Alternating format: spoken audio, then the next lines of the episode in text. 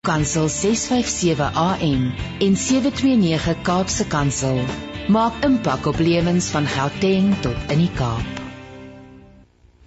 Goeiemôre, jy luister dan met hart en siel. Ek is Christine Ferreira en soos ouer gewoonte kuier ons lekker saam tot 11:00 vanoggend hier op Kaapse Kansel en Radio Kansel natuurlik. Jy het geluister na Johnny Davis wat vir ons gesing het 'n oomblik soos 'n die. Nou vandag ehm um, gesels ek met prediker Ronel Besaidenhout oor die gebruike van die lydenstyd of lent ook soos dit in die volksmond bekend staan wat môre aanbreek. Lee Ann Hill gaan vertel hoe om vrees te oorwin en professor Wenzel Koetser gaan met ons 'n baie belangrike gesprek voer oor stikkende en moedelose jong mense en hoe om hoop en heling in hulle lewens te bewerkstellig. So bly gerus ingeskakel vir seelskos en inspirasie. Ek lees vir ons 'n kort stukkie vanoggend uit Jesaja, Jesaja 61 vers 10 wat sê Ek is baie bly oor wat die Here gedoen het. Ek is vol vreugde omdat hy my gered het. Hy het my soos 'n bruidegom met 'n kroon op sy kop gemaak. Ek is soos 'n bruid wat met juwele versier is. Lydenstyd begin môre, maar nou gesels ons met Ronel Besuidenhout. Môre Ronel. Christine, hallo, dit is lekker om met jou te gesels. Ag, altyd lekker om jou stem ja. te hoor al die pad daar uit Groot Brak. ja, dankie. Ronel, dis vir my so lekker. Dis eintlik voel vir my die eerste keer dat ons dit reg kry om op 'n spesifieke datum te gesels oor die ja. heidenstyd. Jy ja. het 'n boek geskryf al 'n hele tyd gelede, maar dis ja. absoluut 'n relevante boek tot vandag toe nog. Die titel is 40 dae tot hoop, 'n reis deur die lydenstyd en dit is uitgegee deur Lux Werby. So ja. ek beskou jou so kan as 'n kenner op die lydenstyd. Haai, dit um, moet alles gelowig is dit nie nie, net. ja. Maar wat 'n voorreg ja. om met jou te gesels Ronel. Maar kom Dankie. ons spring weg en ek is seker daar's van ons luisteraars wat wat wat graag môre op hierdie reis wil gaan. Ja. Ehm ja. um, wil jy nie net vir ons vertel hoe waar kom lent vandaan? Lydenstyd lent is ek dink tegnies seker die Engelse woord daarvoor, maar dit word so algemeen gebruik nou. Ja. Ehm ja. um, waar kom die tradisie van die lydenstyd of ja. lent vandaan? Ja, ja. Kom ons praat net gou oor die woordjie lent, want dit maak nie saak of ons van lydenstyd praat of van lent nie. Lent is nie 'n Engelse woord nie. Ehm um, dis net die woord wat hulle gebruik. Lent is eintlik 'n Duitse woord. Dis 'n ou Germaanse woord wat in Europa gebruik word vir lente. Dis waar lente vandaan kom. Nou vir ons, daarom is lydingstyd in Suid-Afrika, dit is altyd bietjie moeilik om oor lente te praat vir ons wanneer ons lydingstyd doen, want ons is op pad na herfs toe, né? Waar hulle op pad na lydings, ag, waar die lydingstyd die laaste deel van hulle winter is, op pad na lente toe. So lente, die woord lent beteken om langer te rek. Dit beteken soos wat die son se strale al langer reik, né? Totdat jy die oggend van opstanding op Sondag, mm. uh, vroeg die oggend, dan die gelowiges saam uitgegaan om te gaan kyk na hoe die son opkom. So dit was hierdie verwagting dat die son sal opkom. Dit waar die woordjie lent vandaan kom.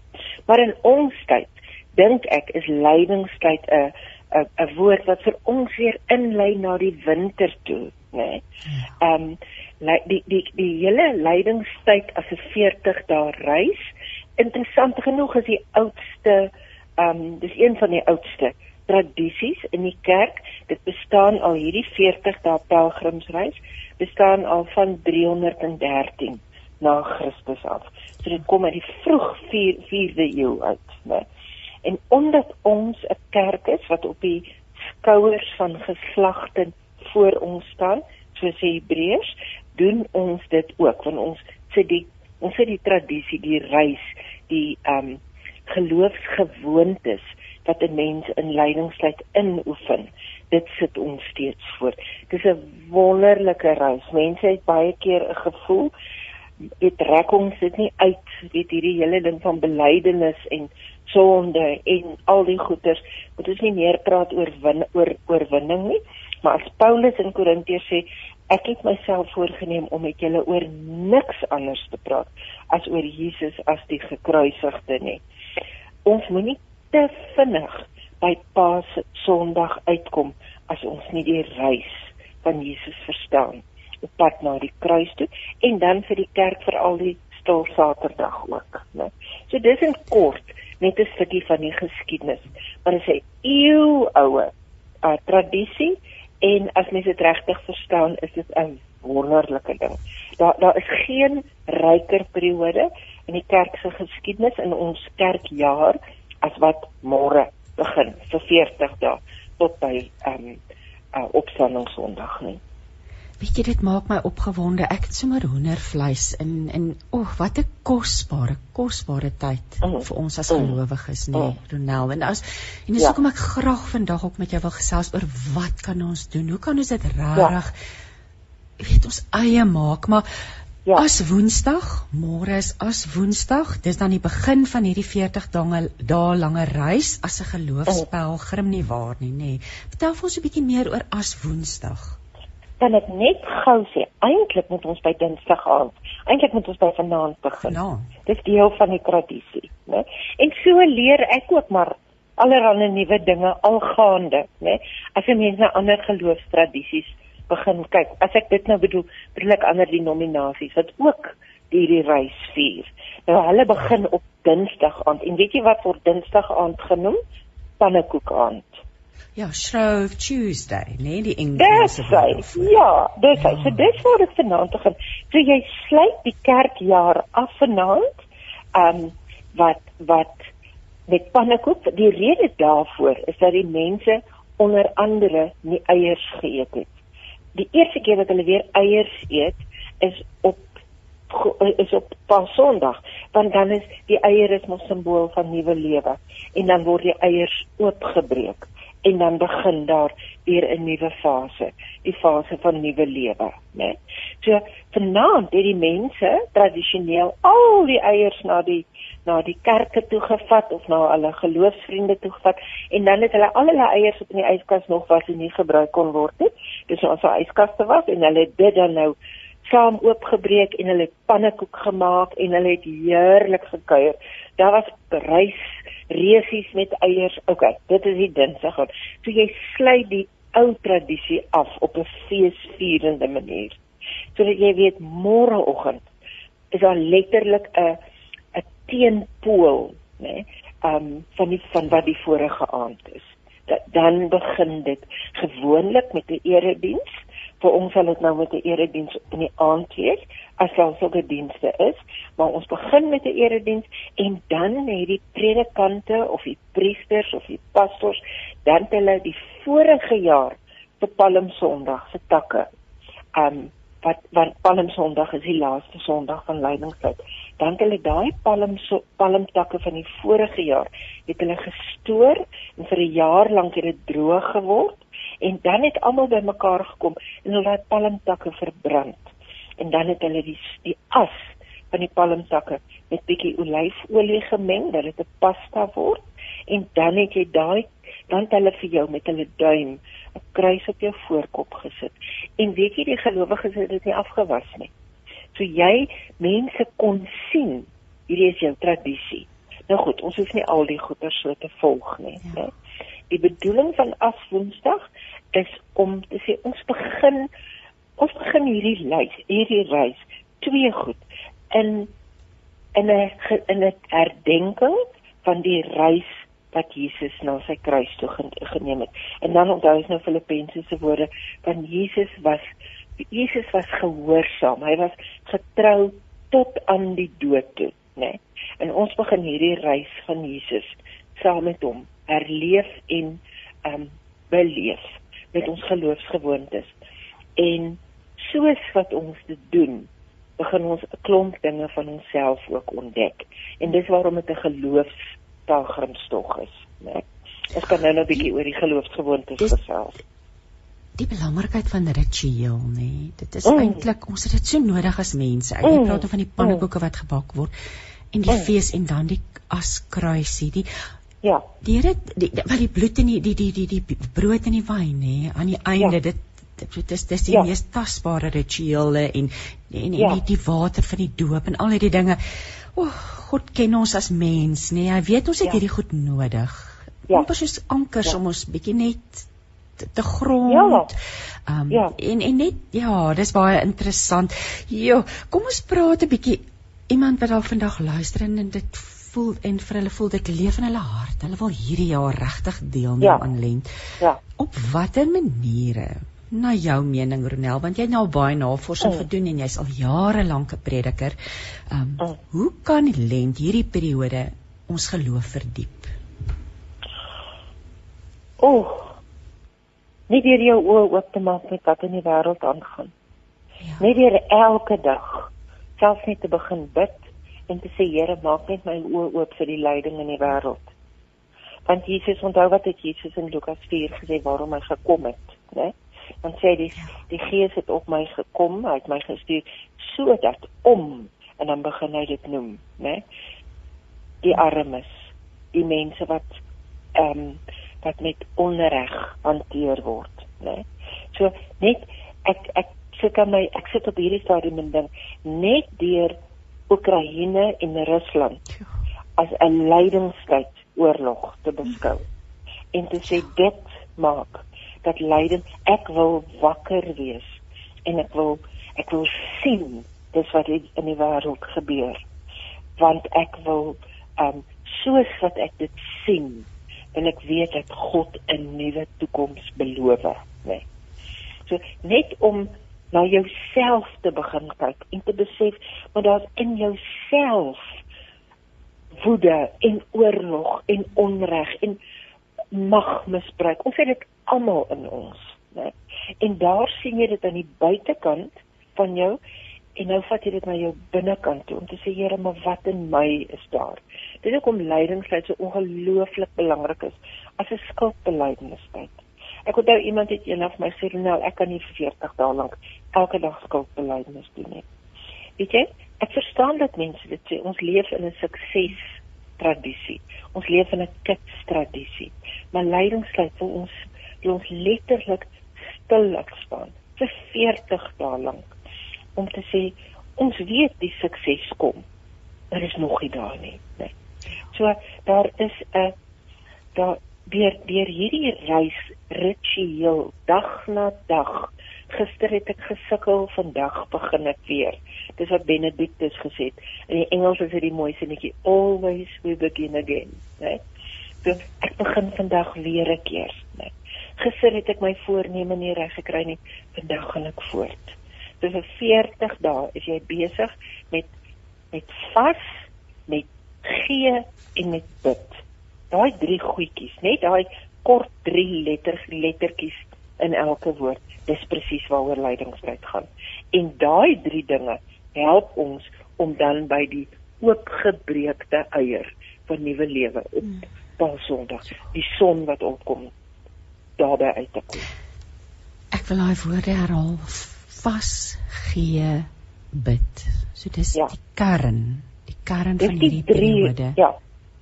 Presies, dis die dis die drie geloofsgewoontes wat van die 4de eeu af vir 40 dae lank aan een. Dit gaan onthou die 40 is net simbolies. Ja. Dit gaan oor die simbolies van Jesus se 40 dae in die woestyn en dan vanuit die woestyn uit het Jesus begin met sy geloofsreis 3 jaar van Galilea af Getsemane toe, né? So dis ons 40 dae geloofsreis. En noem dit dan ons spirituele reis van Galilea tot by Golgotha. Maar ons weet Sondag kom. Hier's nou 'n luisteraar wat vir gebed vra en sy vra dat ja, sy sê uh, uh, put them under the blood nee. Mm. Belangrikheid daarvan die bloed van Jesus. Ja. ja. Dit is alle dit is die dit is die uiteinde, nee. Sy bloed wat ja. gevloei het ja. vir ons. Ja. Jo, ja. hierdie is net so kosbare tyd. Kom ons praat want ons reis lei natuurlik na die kruis en um Ja. Ons kan lewensveranderende geloofsgewoontes aanleer, sê ja. jy vir ons in jou boek en ek het gedink dit sal dalk lekker wees om net 'n bietjie oor van hierdie geloofsgewoontes, ehm um, as jy dit kan deel met ons oh. luisteraars. Want Ronel, ek wil ook vir jou vra, ons raak tog maar in 'n groef.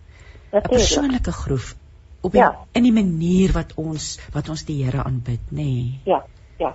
Daarom ons moet die kerkjaar verstaan. Daarom doen ons dit elke jaar op dieselfde manier, herhalend, herhalend, herhalend, né? Ons het nie eenmal lydingstyd gedoen en nou is dit klaar nie. Of eenmal Kersfees gevier nie en nou is dit klaar nie. Iemand het altyd gesê opstanding moet elke dag in jou hart plaasvind. Maar weet jy, daarom kan kruisiging elke dag in jou hart plaasvind. Kyk, die kern van Markus sê Jesus, tel jou kruis op, verkoop alles. Ons moet dit onthou. Verkoop alles en volg my. Tel jou kruis op en kom saam met my. As Jesus sê in in in in Johannes, ek is die weg en die waarheid en die lewe, dan wil Jesus vir die mense sê die pad na die hemel toe is die kruis. Die enigste manier hoe hemel en aarde met mekaar verbind kan word, is deur die kruis wat opgelig word. Dis 'n stuk van die aarde wat oplig hemel toe, né? Nee. So ons moet vir onsself afvra, op watter manier weerstaan ons dit in ons eie lewe? En ons doen dit. As 'n mens na 40 dae se bid met die Heilige Gees vra, wys my waar weer staan ek dat die kruis kan dat die dat die krag van die kruis deur my kan werk, in my kan werk, met my kan werk. Ja. Dan dan begin jy soos Paulus later sê, Here, ag, ekskuus, soos Dawid later sê, Here, dis nie teen Uria wat ek gesondig het nie dis teen u wat ek gesondig het. My ongeduld is nie maar net teenoor X Y en Z nie. Dis teen u want dit is 'n refleksie op op hoe die kruis nog nie kragtig in my werk nie. Want ek is nog nie gekruisig. Paulus het sê ek leef nie meer nie. My lydingstyd help ons om te sê kom ons kom by daai ontdekking sodat ons as nuwe mense begeesterde mense Pinkstertyd kan ingaan. Hmm. Kom ons praat 'n bietjie oor die spesifieke reisgewoontes want jy omskryf dit tog so mooi in jou boek en en en jy vat in hierdie boek. Ek wil nou sommer eers dadelik vra, is hierdie boek nog oh. beskikbaar? Weet jy, op hierdie stadium net op die in, net by net op net as 'n e-boek. Ehm um, die die ek het verder na dit begin skryf So ek het die regte teruggekry by Luxwerby, maar dit is nog as 'n internetboek beskikbaar, as 'n e-boek beskikbaar by Amazon of waar ook al. Ehm um, want ek wil die boek bywerk. Ek het nou ons is nou ek het nou vir 3 jaar lank vanaf die pandemie begin het. So dis nou ons derde lydingstyd vandat ons met ons pandemie begin het. En in hierdie het ek vir elke jaar 'n klomp goed geskryf en die goed moet nou verwerk word, né? Al die inligting wat ek nou het is in elk geval beskikbaar op my webblad, né? So ek het die boek gebruik en ek het nuwe goed begin byskryf, né? Sodat daar ja, always we begin again. Nee, Ronel, ek dink net by myself, want alles het maar eintlik verander, né? Ons is nou eerlik met mekaar gesels. Ja. Alles het verander die laaste 2 jaar. Ek dink nie ons uitsig, ons uitkyk ja. op die lewe. Ja. So dis so belangrik dat jy ja. dit wel doen.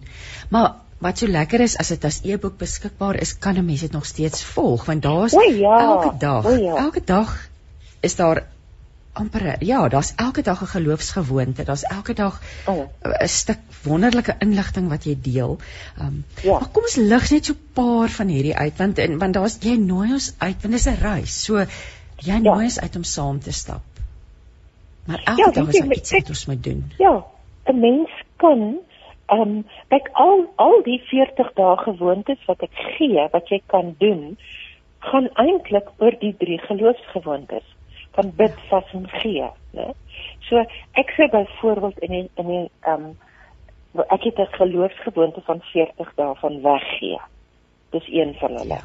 Om te sê, want jy wil nie ons sal baie maklik sê gee sjokoladekruis, né?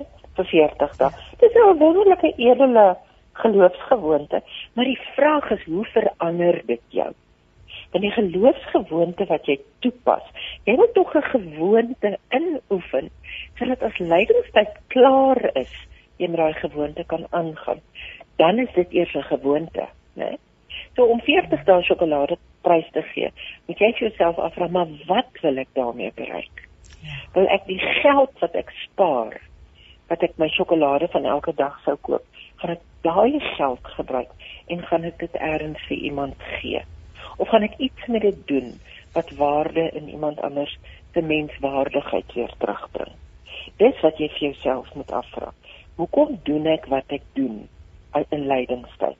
Mense sal nou sê, um okay, 40 dae vas ons van skinder. Dis 'n wonderlike gewoonte. Maar jy wil dit inoefen sodat dit 'n gewoonte kan word ja. waarmee jy kan voortgaan, né? Nee. Jy wil dit nie maar sommer net verniet inoefen en die eerste keer wat wat Paasfees begin, los jy die gewoonte en gaan jy weer aan op 'n ou patroon nie. Dan kon jy dit maar gelos het. Jy wil lewens veranderde gewoontes inoefen. En al wat ons wil doen, is ons wil die alledaagse heilig. So om vir jouself te sê, elke oggend van nou af, wanneer ek my kinders se kos sluk vir hulle inpak, gaan ek eers op my knieë staan en ek gaan hierdie kosblik in 'n gebed aan die Here opdra. Dit raak 'n gewoonte wat jy vir 40 dae op jou knieë kan doen.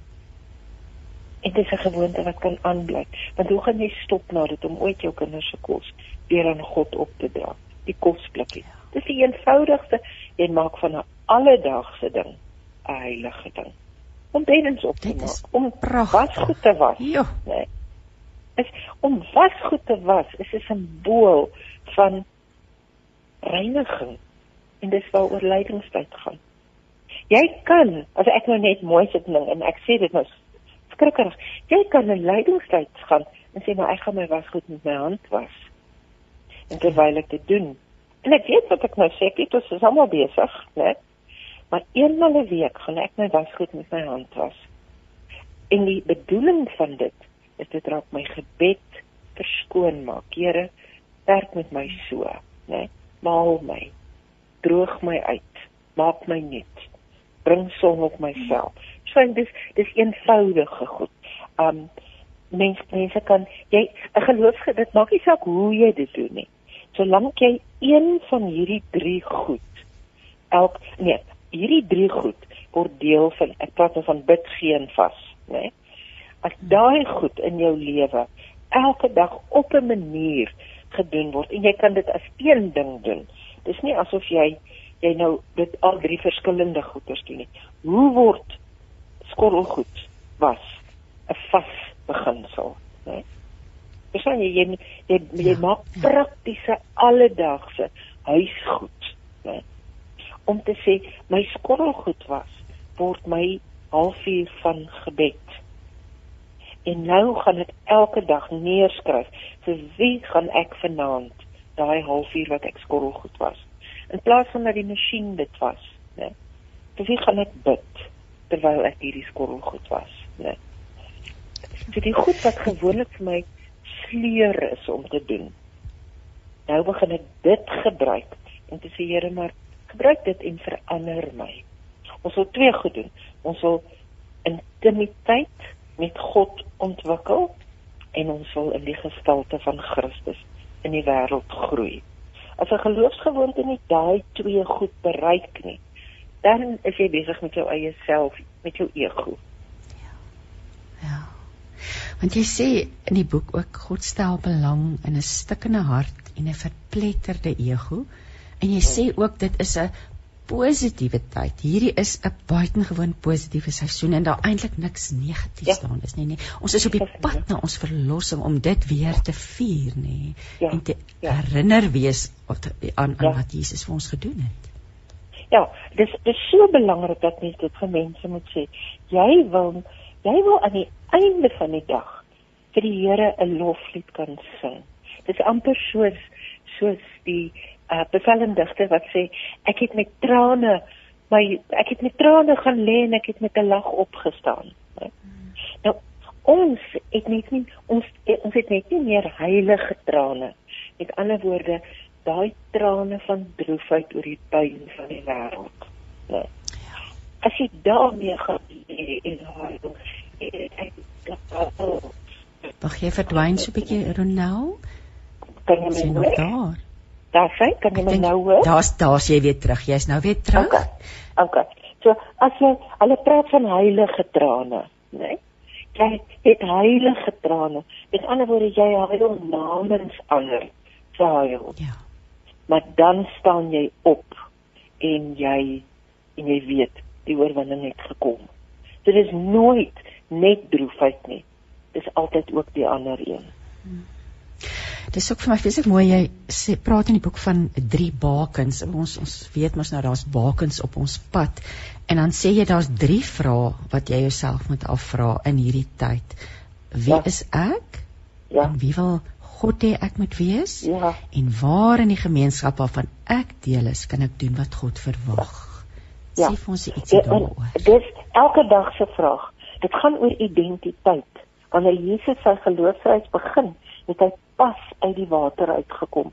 Die die doop dan dan was daar 'n metafoor van die hemel het oop gegaan. Die aarde en die hemel het met mekaar ontmoet. Die hemel het oop gegaan en die identiteit van Jesus is gevestig. Jy is my seun. En dan wanneer uit die identiteit van van wie Jesus is, dan het hy sy lydingspad begin. Ja. En dis hoekom ons moet vra, maar wie is ek? Watter mens is ek? Wie wil God hê moet ek wees? En hoe moet ek dit wees in die wêreld? Ja. So die die dis interessant wat ek onlangs ontdek is van die eerste wonderwerke wat Jesus doen is om bose geeste uit te dryf. En elke keer is dit die bose geeste wat weet wie Jesus is. Die mense weet nog nie.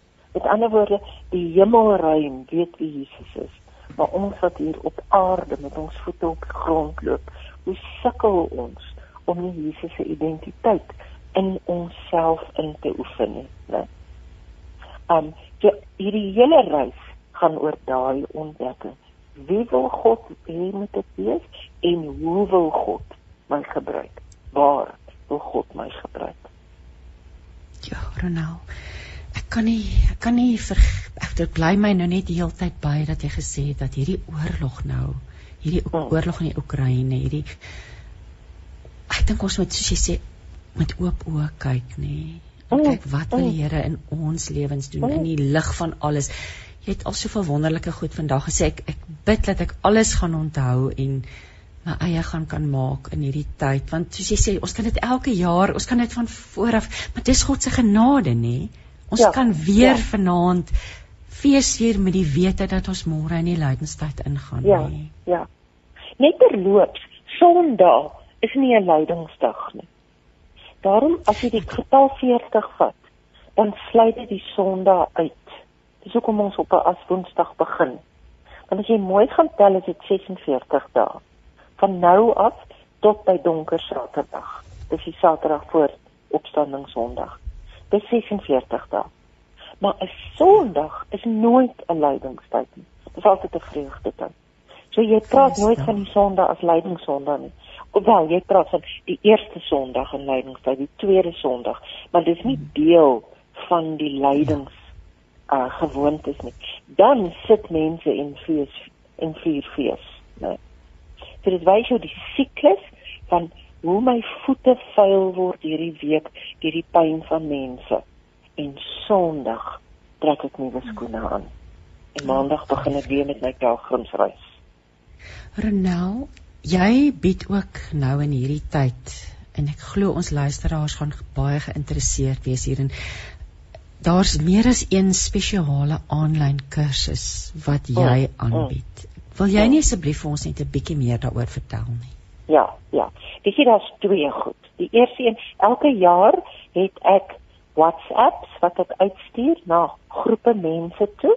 Ehm daar baie duisende mense wat wat die 40 dae dagstukke kry. Dit noem ek hierdie jaar spoor langs, né? Ehm um, en jy sal agterkom hoe gereeld uh is die woord spel tussen spoor langs en spoorloos verskriklik maklik, né? So dis 'n 40 dae dagstuk reis. wat jy ontvang in elke dag 'n dagstuk lees. Um wat jy per WhatsApp kry. Die tweede dis bespoor langs. Die tweede een is 'n baie dieper kursus oor um die lydingswoorde. Dis vir elke Sondag bedoel, né? So vir jy gaan vir 7 weke lank wat nou Woensdag vandag begin, gaan jy jy kry jy ontvang 7 video's. Um dis so 20 minute lank video's en jy kry saam met dit leesmateriaal en dinkmateriaal wat ons in diepte gaan kyk. Nou hoekom het Jesus hierdie sewe kruiswoorde in die woord um is dit vir ons gegee, né? Want elkeen het 'n baie spesifieke betekenis. So dis 'n kursus wat ek onder die skadu van die kruis noem.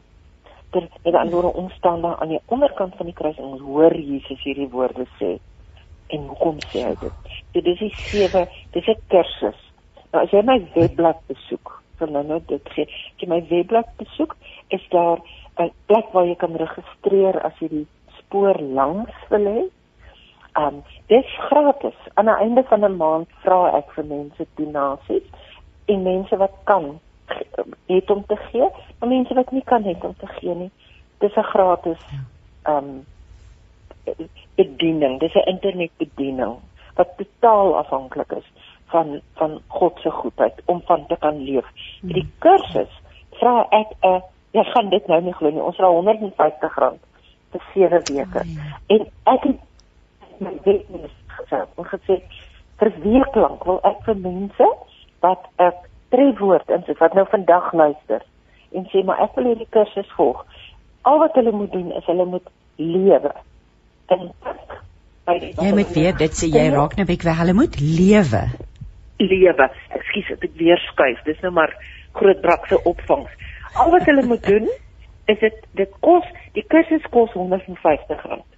Dan mense wat in die volgende week registreer tot op Sondag se kant van dit dan begin die eerste een en lewe in tik hulle betaal net R100. Nou in die verlede het ek hierdie kursus vir baie baie meer betaal gevra. Ja. Oh, jy, oh, jy raak nou weer weg Ronel. O, oh, ek is jong. Hoe klink dit ja. nou? Laat ek oh. kan laat ek regop sit. Kan jy my hoor? ja, kan jy nou hoor. Maar ek gaan nou net vir ons luisteraars herhaal. Ronel by 2 opsies aan hoe jy deel kan wees van hierdie reis tydens die lydenstyd. Die eerste een is spoorlangs, is 'n WhatsApp wat jy gaan ontvang, 'n dagstukkie. Ehm um, die tweede ene is onder die skadu van die kruis. Dis 'n reeks van 7 video's en soos Ronel sê met leefmateriaal en dinkmateriaal daarmee saam. Um, as jy hierdie week registreer, is daar 'n afslag. Jy moet die woord lewe intik. Dis die trefwoord en dit is die inligting is alles beskikbaar by www.ronel met 2 L'e bezuidenhout.co.za. Ronel, ons tyd het nou opgeraak. So ag, ja. ek wil vir jou verskriklik dankie sê vir jou gesprek vanoggend. Jy het my persoonlik geïnspireer. Um Ja, ek Ja, ek wil vir jou dankie sê daarvoor en ek glo en ek weet jy het ook ons luisteraars geïnspireer om om bietjie meer te gaan kyk na wie ek is en wie wil God hê oh. moet ek wees in hierdie tyd wat kom. Ronel, alles wat mooi is, ek dink is daar enigiets wat jy wil byvoeg? Nee, mag dit 'n geseënde geseënde reis wees en mag ons net asseblief vir die Oekraïne en Rusland bid. En terloops, jy spel my naam reg um mense baie O, jy breek op, jy breek op. Skus tog. Sê weer. As hulle sê R O N E L L, dan sit hulle sommer outomaties na dit 'n E agter. En dis nie okay. so nie, né? Okay. Nee, jy breek nou heeltemal op, maar ek gaan vir ons luisteraars ook sê dat ehm um, direk na afloop van die program gaan al Ronel se inligting ook by Radio Kansel se kliënte diens beskikbaar wees. Ronel, baie baie dankie. Ons gaan nou luister na musiek. Waardeer jou Ronel en ja, ons luister nou na Sidewalk Prophet wat vir ons Prodigal sing. Van jou oor na jou hart, na jou mond, na jou voete. Word deel van hierdie lewe op 657 Radio Kansel en 729 Kaapse Kansel. Ag, en is dit nou nie presies wat Ronel vir ons eintlik gesê het ons moet doen nie, nê? Van ons ore na ons hart, na ons mond, na ons voete en veral in hierdie tyd van lydenstyd en die verandering wat dit in ons lewe gaan bewerkstellig. Maar nou gesels ek met Lee Ann Hill en Lee Ann het 'n boek geskryf met die titel What is your driving force? You cannot be driven by fear. En ek dink in die lig ook van lydenstyd wat voor lê, is vrees iets wat ons as gelowiges kan opgee en die gewoonte aanleer om dit vanuit die perspektief van die woord te hanteer. Goeiemôre Lian. Goeiemôre Christine. Goeiemôre luisteraars. So lekker om met jou te gesels vanoggend Lian.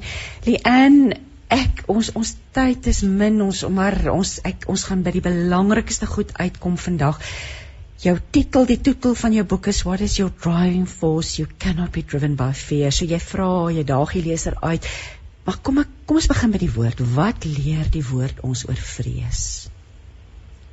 So die verse van my boek is 2 Timoteus 1:7. Die Gees wat God ons gegee het, maak ons immers nie lafhartig nie, maar sal ons met krag en liefde en selfbeheersing en dan sê Filippense 4:7 en die vrede van God wat alle verstand te bowe gaan sal julle harte en julle sinne bewaar in Christus Jesus. Dan sê Jesaja 41 vers 10 Moenie bang wees nie, ek is by jou. Moenie bekommerd wees nie, ek is jou God. Ek versterk jou, ek help jou, ek hou jou vas met my eie hand red ek jou. Dan sê um Psalm 50 vers 15 Roep my aan in die dag van benoudheid. Ek sal jou uithelp en jy sal my eer. 1 Johannes 4:18. Waar liefde is, is daar geen vrees nie, maar volmaakte liefde verdryf vrees. Van vrees verwag straf. En wie nog vrees, het nie volmaakte liefde nie. Ja, dis die woord vermaan ons keer op keer nie waar nie lê aan om om nie te vrees nie. Jy het nou hierdie ja. boek geskryf, so jy het jouself eintlik half uh, onderdompel of jy tyd spandeer jy jy jy jy ja tyd spandeer met hierdie hele konsep van ja. vrees. So baie mense is gevangenes van vrees veral in die tyd wat ons nou leef. Oorloë gerigte van oorlog die pandemie al hierdie dinge. Ja. Maar ons as gelowiges kan vrees oorkom en ons kan dit ook op 'n gesonde manier hanteer. Wil jy nie net vandag vanuit jou ervaring, vanuit die perspektief van die boek, vir ons dalk 'n paar trefpunte, 'n paar wenke, praktiese raad gee, dinge wat jy geleer het asseblief. Ons sal dit baie waardeer. Natuurlik, Christine, baie baie dankie dat jy vra. So om op 'n gesonde manier vrees te oorkom en my praktiese wenke is: Eerstens, alfa sanese, but staan op sy woord um praise and worship. As jy voel jy raak bang, hou asem. Wees kalm. Vind jou gelukkige plek, jou dryfkrag. In die boek sê what is your driving force? You cannot be driven by fear. Dan positief. Daar's 'n Engelse gesegde wat sê mind over matter. En my ma sê baie vir my sê pull yourself towards yourself tee, rooibos tee, koppie rooibos tee voordat jy gaan gaan slaap of melk. Dit is baie kalmerend. Um al boere raad wen vir die kinders as mens maar melk. Um as jy lag, is jy gesonder en gelukkiger. Um as jy ontspan, vind jy vrede. My vrede sal ek sê as ek sê te gaan want dit is 'n ou Kaapenaar. Maak tyd vir jou. Die lewe is gejaag. Kies lewe en spreek lewe en word en liefde, dink, beplan, organiseer, skeduleer, hou 'n dagboek, prioritiseer. Dit maak dinge net makliker. Glo bo alles. Geloof. Want geloof is die teenoorgestelde van vrees, want jy skep jou eie atmosfeer. Um dan 'n borrelbad, eet gesond want uh, ek het 'n hoofstuk in my boek. Um when you are concerned by being worried and having stress en dan hoofstuk 9 is kyk na jouself, look after yourself. Eet gesond, oefen want oefen gee energie. En as jy loop of oefen, dan voel jy klaar weer beter. En dan Filippense 4 vers 4 sê: "Verbly jou in die Here." Filippense 4 vers 13 sê: "Ek kan alles doen deur Jesus wat vir my die krag gee." En bo op alle dinge, kyk na jouself. Weet jy, soos wat jy nou hierdie goed lees en jy jy's jy's dis jy's vinnig daardeur, maar dis en is baie basiese en praktiese dinge wat dit eintlik so wonderlik maak. Ja. En ons het nou gepraat oor oor, oor die geloofs geloofsgewoontes. So as 'n mens sou jy sê as 'n mens 'n gevangene van vrees is, as jy besef my lewe is vreesgedrewe.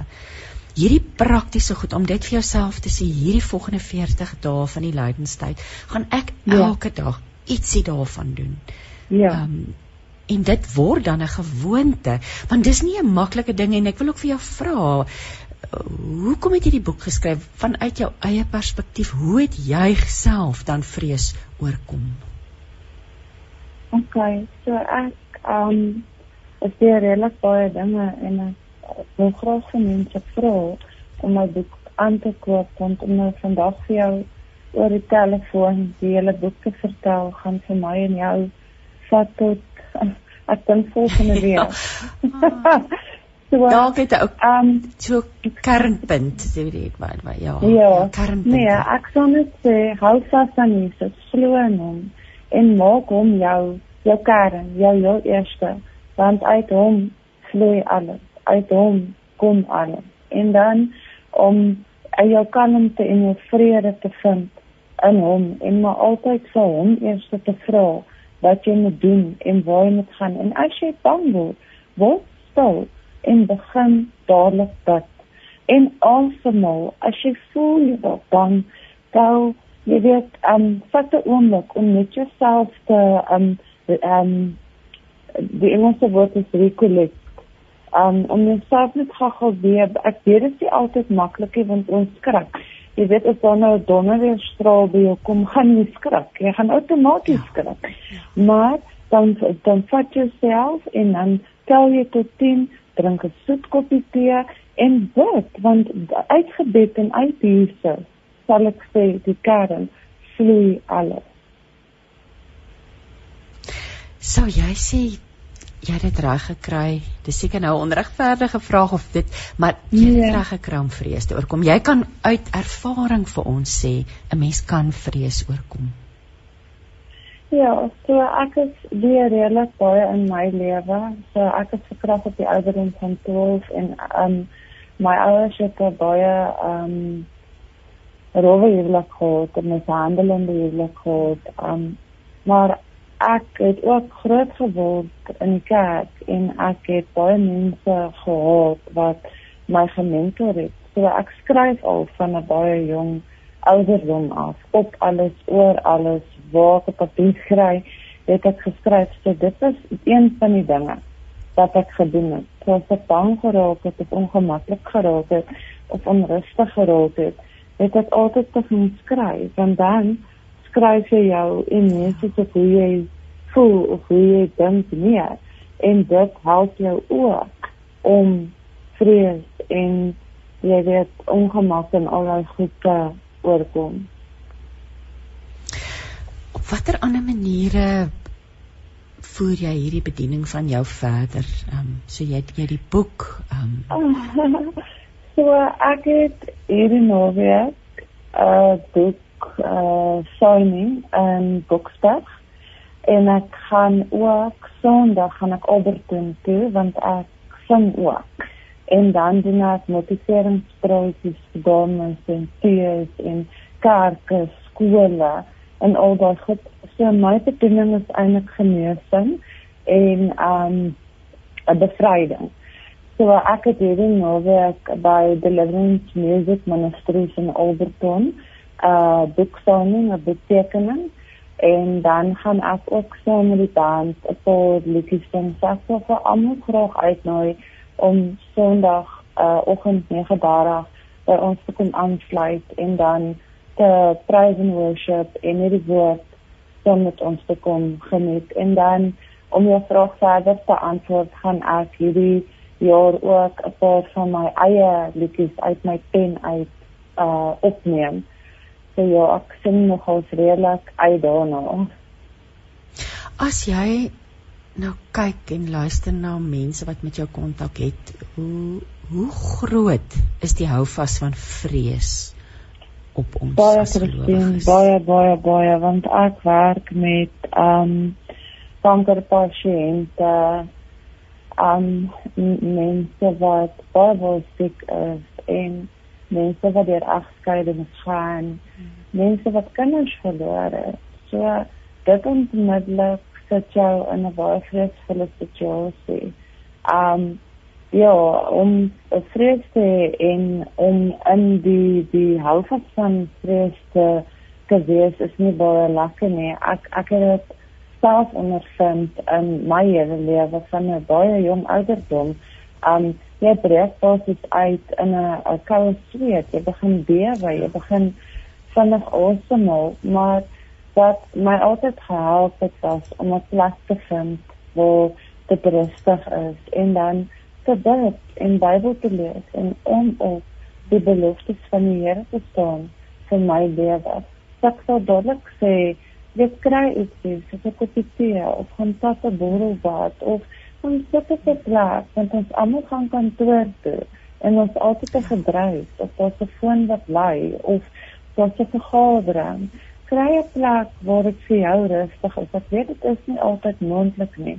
En ek weet ons kan nie altyd net 5 minute uit ons dag uitvat nie vir al die jy in 'n 8 tot 5 kantoor situasie is. Maar ons kan tog bid. Ons is nie altyd jy weet um harte te bid nie. Ons kan ook ons mond beweeg en ons jy weet wat ek bedoel met Christine. Jy kan dit net waar jy is van die Here is nie 'n aannemer van persoon nie en dan moet jy rustigheid vind in hom en dit is die maklikste manier dan om vrees te oorkom en soos ek voor die tyd gesê het om jou goed neer te skryf en dit vir jou makliker te maak om 'n dagboek te hou, om 'n skedule te hou, om prioriteite neer te skryf om jou dag te beplan. Ek meen ek het 'n uh, groot leerder, dit sien jy Joshua. So hy doen hy sy eigen skool toe en dan speel hy elke dag in die middag speel hy rugby. Um so hy speel van maandag tot donderdag speel hy rugby. So ons programme raak vol en as jy nie gaan en dan as jy by die huis kom dan um, doen hy huiswerk en ek werk nie hy sê en ek skryf boeke en ek publiseer boeke en ek print boeke. Dan as jy nie gaan beplan nie gaan jy baie baie onrustig raak. Jy gaan nie vrede hê in die dinge wat jy doen en so onmiddellik moet jy skeduleer en beplan en dagboek hou en heel eers moet jy Jesus betrokke hê in al jou dinge want hy moet eers wees in alles wat jy doen en jy moet vir hom vra wat jy moet doen vir die dag of die week of die maand of die jaar wat voor lê en dan sal alles in plek val. Lian, ek wil nou afsluit um, uh, en ek wil net vir jou vra waar kan luisteraars die boek in die hande kry? Waar kan hulle met jou kontak maak? So ek is Lian Hill. Mense kan my my uh vriendskap versoek stuur op Facebook. My naam spel jy L E I G H koppelteken hoofletter O dubbel N E spasie van my pa is H I dubbel L L.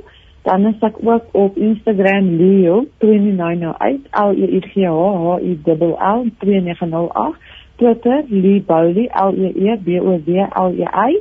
En dan soos ek gesê het ek is Sondag by Deliverance Music Ministries 39 by The Oasis 1 Onyx Street Maybury Park um 39 uh dit is die 6de Maart en dan die 5de Maart is ek by Zoe Christian Bookshop, Coffee Shop, Boksburg 37, Rietfontein weg, Kamer Boksburg van 11:00 ook vir 'n boeksigning en dan kan jy sommer 'n lekker koffietjie geniet en 'n ontbyt. Dis die 5ste Maart. Dan het ek ook 'n webtuiste. Dit is ja, weer weer ons wil weet ja. Ag, ja, die webwerf, die webwerf want dis oh! dit is die plek waar alles. Wat is jou webwerf se naam? My jammer daaroor ek vra om te skoon. My webwerf is www.le kolletjie e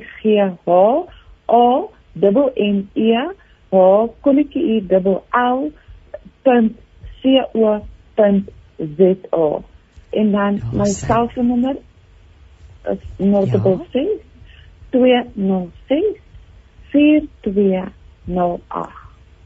Daar sê so as jy belangstel in die aanse boek What is your driving force? You cannot be driven by fear waarin sy haar getuienis sowel as uh, praktiese raad en wenke deel, kan jy gaan uh, draai maar by www.leanhill.co.za. Kom ons luister na musiek. Cindy Nellemans gaan nou vir ons 'n rise sing. Deel ons passie vir die lewe op 657 Radio Kansel en 729 Kaapse Kansel.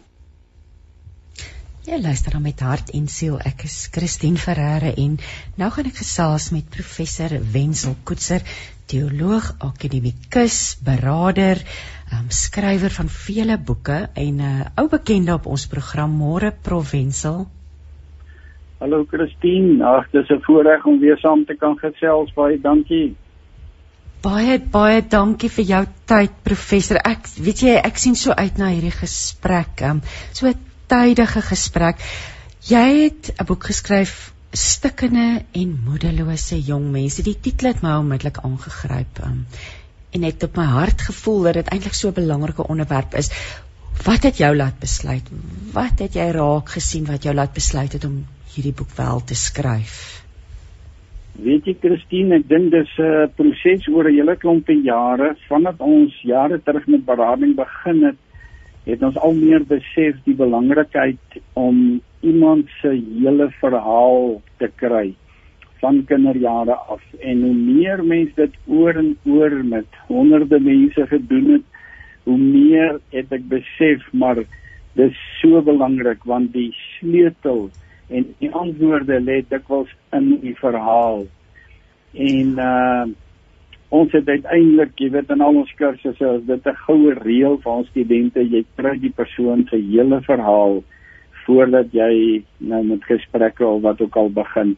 En ag soos wat ek nou deur die literatuur gewerk het soos die jare aangegaan het, het ek dit net oor en oor bevestig gekry deur 'n klomp ander navorsers en ouens wat groot groot werk gedoen het.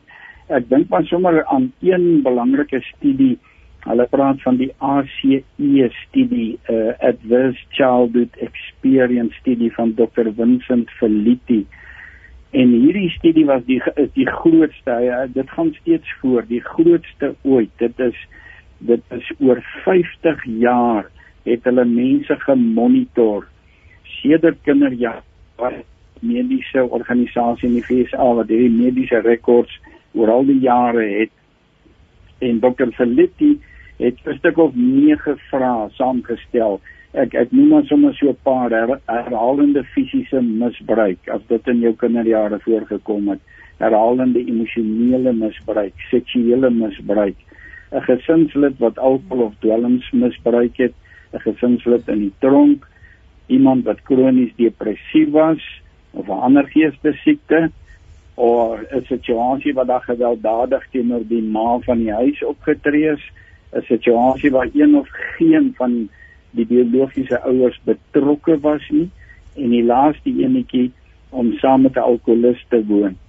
En mens kan hier sê enige enige verslawing. Weet jy hierdie nege vrae het hulle aan aan 17000 mense gevra en hulle het toe na 50 jaar almal opgevolg en gekyk wat het in hulle lewens gebeur. Hier met verstommende resultate.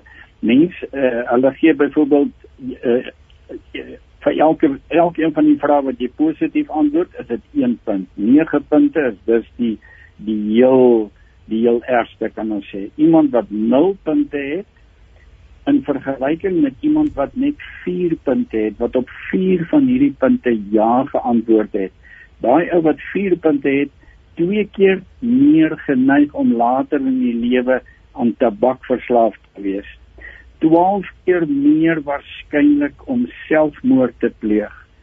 7 keer meer waarskynlik om 'n alkoholist te wees, 10 keer meer waarskynlik om straatdwelms te gebruik.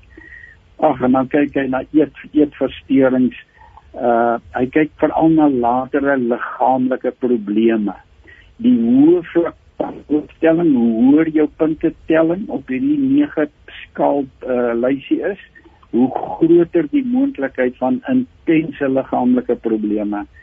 Weet jy en en dit sê net vir my ons moet ons kinders en ons jong mense help om vroegtydig die die emosionele pakkies af te laai.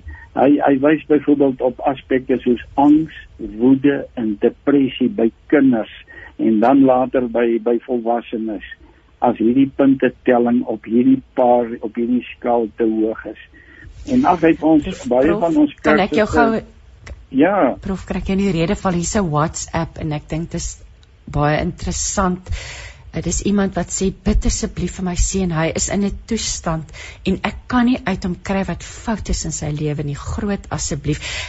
Ek, ek dink dis 'n roepkreet van baie ouers. ja. Ek kan sien Ja. daar's fout met my kind en ek weet nie wat om te doen nie. Um, ja, wat is jou antwoord vir hierdie luisteraar? Ek is altyd bang die mense kan nie verder luister nie. So jammer ek val jou in die rede. Ja, wat sê ja. jy vir hierdie persoon? Weet jy, ek dink soos mense dikwels kry in gesinne, die kind is dalk te skaam of te bang om die normaal pa te erken wat het gebeur.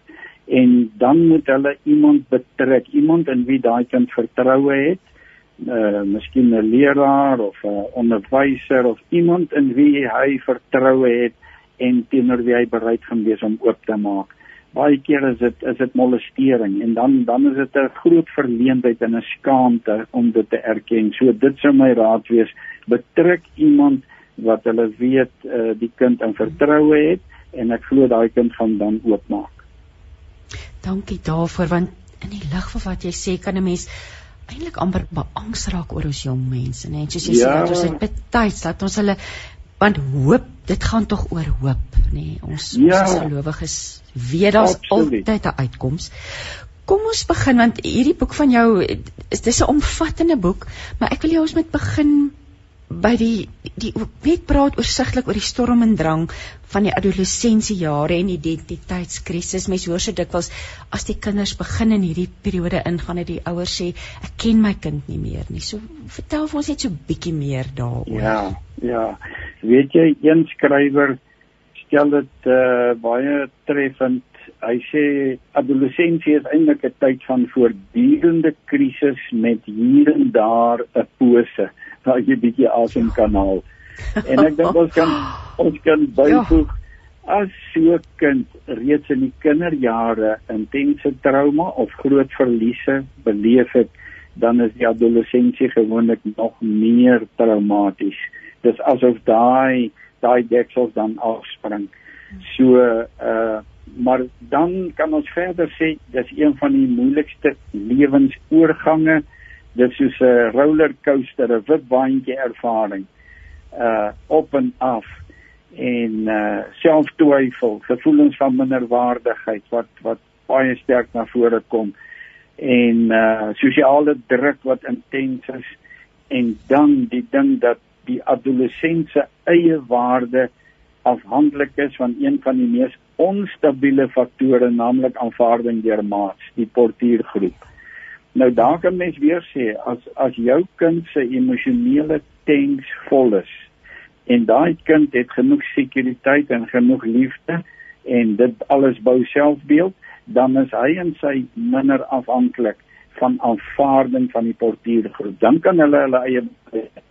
Hulle stem saam met die groep waar waar hulle saamstem, maar waar hulle verskil, daar verskil hulle. En en en maar dit sien mense so baie hoe meer stukke in die kind, hoe meer afhanklik van die portuïergroep. Nou in die ouer uiteraard geweldige uitdagings. Uh John Townsend, een van die mees bekendste Christen uh sielkundiges in die VSA, hy sê God made parents to be the guardrails on the twisting road of life. Daai daai uh, beskerming eister beskerming so langs die pad as daar uh, afgrond aan die kant is byvoorbeeld. En nou sê hy ek vertaal maar sommer so, so vinnig. Hy sê julle ouers moet sterk genoeg wees sodat jou kind van tyd tot tyd in daai daai uh, beskermende kantreëlings in wanneer die kind daarin bots, moet jy sterk genoeg wees om dit te hanteer. Hy sê you must stay strong so that your teens will learn to stay on track. En dan sê hy dit is so daai mense ry soms langs die pad dan sien jy hoe van hoe daai reëlings vervrommel is waar 'n vragmotor teen dit uh, gebots het. Hy sê dit gebeur but if they work well they preserve the young lives that run up against them. So ons as ouers moet dit sorg ons pakkies is afgelaai, ons emosionele pyn is hanteer, ons trauma en ons krisisse, ons denks is vol. Dan kan ons dit hanteer wanneer daai kind op 'n dag jy weet so groot krisis het en en hy hy bots in daai reëlings in. Groot uitdaging. Net net ietsie oor die identiteitskrisis. Uh, kyk Erik Erikson het gedien die Tweede Wêreldoorlog het hy hierdie woord uh, kan mens sê die term geformuleer en dit veral van toepassing gemaak op soldate na bomskok dat hulle totaal geïnteresseerd was selfs nie eens geweet het partykeer uh, wat is hulle name nie. En so mettertyd het het hierdie woord nou ook is dit ook van toepassing gemaak op die worsteling van groot word en die soeke na identiteit. En nou uh, nou sê een skrywer net soos die gedisoriënteerde soldaat 'n toestand van totale in 'n verwarring ervaar, sal die jong mens vroeër of later getref word deur 'n bom wat meer kragtig is as dinamiet, naamlik puberteit. En dis hierdie hierdie soeke na identiteit. En nou die die milieu waar binne hierdie kinders groot word, maak maak dit so moeilik. Die die kits inligting, die magdom van inligting met die internet.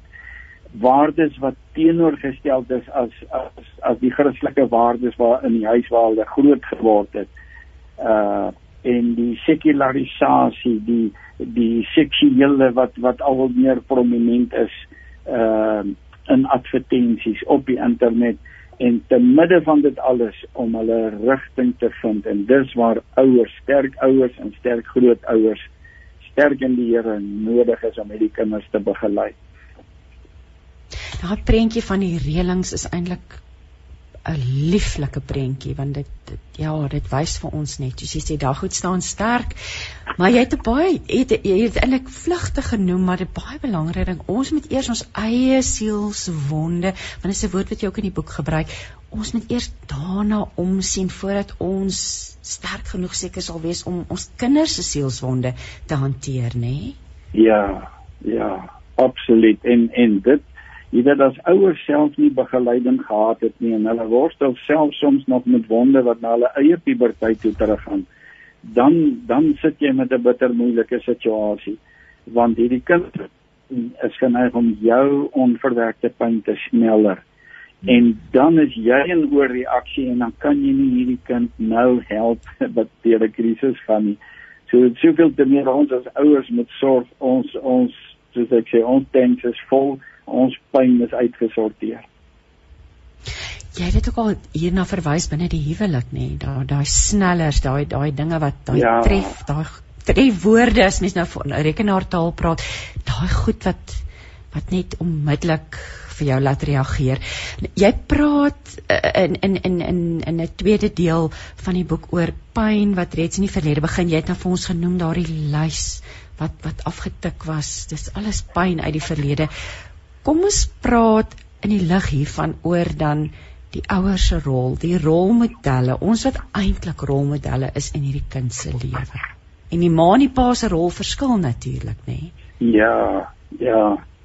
Weet jy, een skrywer stel dit so, uh die ouers is dikwels reeds as kinders emosioneel verwond aangesien baie keer hulle ouers ook reeds tydens hulle kinderjare emosioneel verwond was. En daai daai dilemma, ons praat ook van generasiebagasie, daai pakkie van generasiebagasie wat wat oorgedra is. En daai navorsing sê as ek as ouer nie my pakkie pyn hanteer nie, dra ek dit outomaties oor aan my kind. En dit het soms in in geslagte van geslag na geslag het hierdie proses aangegaan. Maar nou terselfdertyd is ek as ouer veronderstel om 'n rolmodel te wees. Ek ek is veronderstel om aan hierdie kind te wys uh hoe om emosies te hanteer, hoe om krisisse te hanteer maar as ek self met daai onverwerkte pyn sit en my emosies word telkens gesneller dan dan is dit 'n skaakmat situasie. En uh dan wat wat uh iemand ook uitwys omdat ek as ouer my pyn is nie hanteer nie. Daarom sit ek en ek het reëls geleer 'n uh, 'n uh, toksiese reëls hoe om pyn, hoe om emosies, hoe om krisis uh, krisisse te hanteer. Byvoorbeeld, uh seuns mag nie huil nie. Seuns mag nie emosie toon nie. Dis een van die reëls wat wat ek geleer het van kleintyd af. Nou maak ek my seun op dieselfde manier groot. En soos wat die ouens sê, dis eintlik 'n 'n 'n oneerlikheid. Uh we are trying to be emotionally dishonest when we are children. Nou hierdie seun word nou groot. Nou sy uiteindelik 'n man. Nou vind die grootste trauma in sy lewe plaas en hy kan nie die emosies hanteer nie. Hy kan nie die emosies hanteer nie. En uh, dieselfde met die die ma en die ma en die pa dan. En dan sê ons kinders wat binne so 'n milieu opgegroei het, is eintlik geprogrammeer om emosioneel oneerlik en emosioneel aftakelend teenoor hulle self te wees. Hulle het dan ook konsepte geleer wat hulle kwesbaar maak vir emosionele verwonding. Want as daar 'n krisis kom dan maak ek toe. Dan sit ek 'n deksel op al my emosies. En dis waar ons ons kinders moet help en vir al die seuns. Hulle moet help dat hulle weet hulle is hulle is hulle mag uiting gee aan die emosies. Hulle mag praat. Hulle mag huil as hulle 'n keer wil huil dit is ons ons verneder hulle nie ons sê hulle nie sleg as dit gebeur nie. As ons soms so vinnig dink aan die ma. As uh as sy byvoorbeeld emosioneel verwond is, uh dan sou sy oormaak emosioneel betrokke kon geraak het, sê maar by haar seun van van 8 of 10 pa in die huwelik gestap het. En hier het 'n abnormale ongesonde band tussen ma en seun ontwikkel. Sy het van haar seun haar haar raadgewer, haar beraader gemaak, haar klankbord. En nou uiteindelik tree hierdie seun in die huwelik en nou is sy ma nommer 1 en sy vrou is nommer 2 en dan moet 'n mens mense help om by daai punt te kom waar daai band, daai ongesonde band met ma gesny moet word om hierdie huwelik te red. Dieselfde kan gebeur met die dogter, die dogter en haar pa. En en uh die huweliksmaat kom agter, hy's altyd tweede en sy's altyd tweede, daar's iemand anders wat eerste is. En dis dis gewoonlik 'n pynlike proses vir so 'n gesin en 'n familie maar maar dis al maniere hoe jy sommige huwelike kan red. Uh want dit gaan terug na pyn wat nooit hanteer is nie. In hierdie geval toe pa die huwelik gestap het, al die pyn, al die trauma by ma en by die kinders. Sarah Trollinger is iemand wat uh 'n hele paar uh uh beradingssentrums in die VSA in verskillende stede begin het en sy het 'n baie goeie boek geskryf oor jong mense. Uh en sy sê byvoorbeeld dat ouers 3 keer meer invloed op hulle kinders se lewens het as enigiemand anders. En en dis dis deel van die dilemma. Ouers het daai geweldige invloed, maar as ouers stikken is, dan dan is dit skaakmat. Net so ietsie oor die pa. Wensel kan ek jou weer in ja. die rede val hier nou 'n uh, uh, uh, uh, ook nog 'n WhatsApp boodskap. Iemand wat sê my dogter is van die skool af gesê sy het flou geval. Sy was besig met selfmoord. Ehm um, uh die die seun gebruik daga. Hy het nou al 'n geestelike versteurnis ontwikkel. Ek en my meiskind gaan gebuk onder die pa se alkoholiese verslawing en buiteegtelike verhouding en natuurlik my seun se onvastigheid. Ek is moedeloos. Nou staan ek alleen. Was dit nie vir Jesus in my lewe nie? Ehm um, so plat. Ek is plat, maar ek ek bly staande uh, weens die genade. Hier is nou 'n voorbeeld van eintlik 'n situasie waar van hier soveel dinge in hierdie situasie. So wat wat is wat is jou antwoord aan hierdie luisteraar? Weet jy as ek nou vanaand moet dink die eerste ding is hulp is is dringend nodig. Ek dink hierdie pakkie het te swaar geword vir haar as moeder.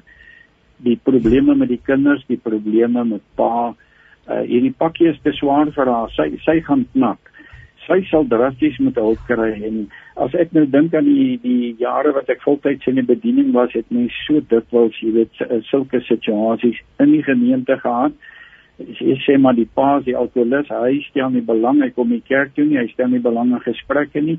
En dan weet jy jy moet hierdie ma amper op 'n weeklikse basis help om om haar kop bo die water te hou, om asem te kry, haar dan in te trek in 'n Bybelstudiegroep, 'n selgroep, afgesien van jou eie betrokkeheid op 'n gereelde basis. En en sy kan nie uit die situasie uitstap nie, sy's finansiëel totaal afhanklik. Uh so sy moet ondersteun, sy moet gedra word en van week tot week daar nie in die selgroep gaan hulle saam met haar bid te hoor wat was die afgelope week se krisisse wat erg was om deur dit te werk dat sy weer moed het vir die volgende week. Dit klink my dis so 'n tipe situasie, so daai hulp, daai hulp sal moet inbeweeg word. Want dis juist die doel van hierdie boek ook van jou en van berading. Daar is hulp, daar is hoop.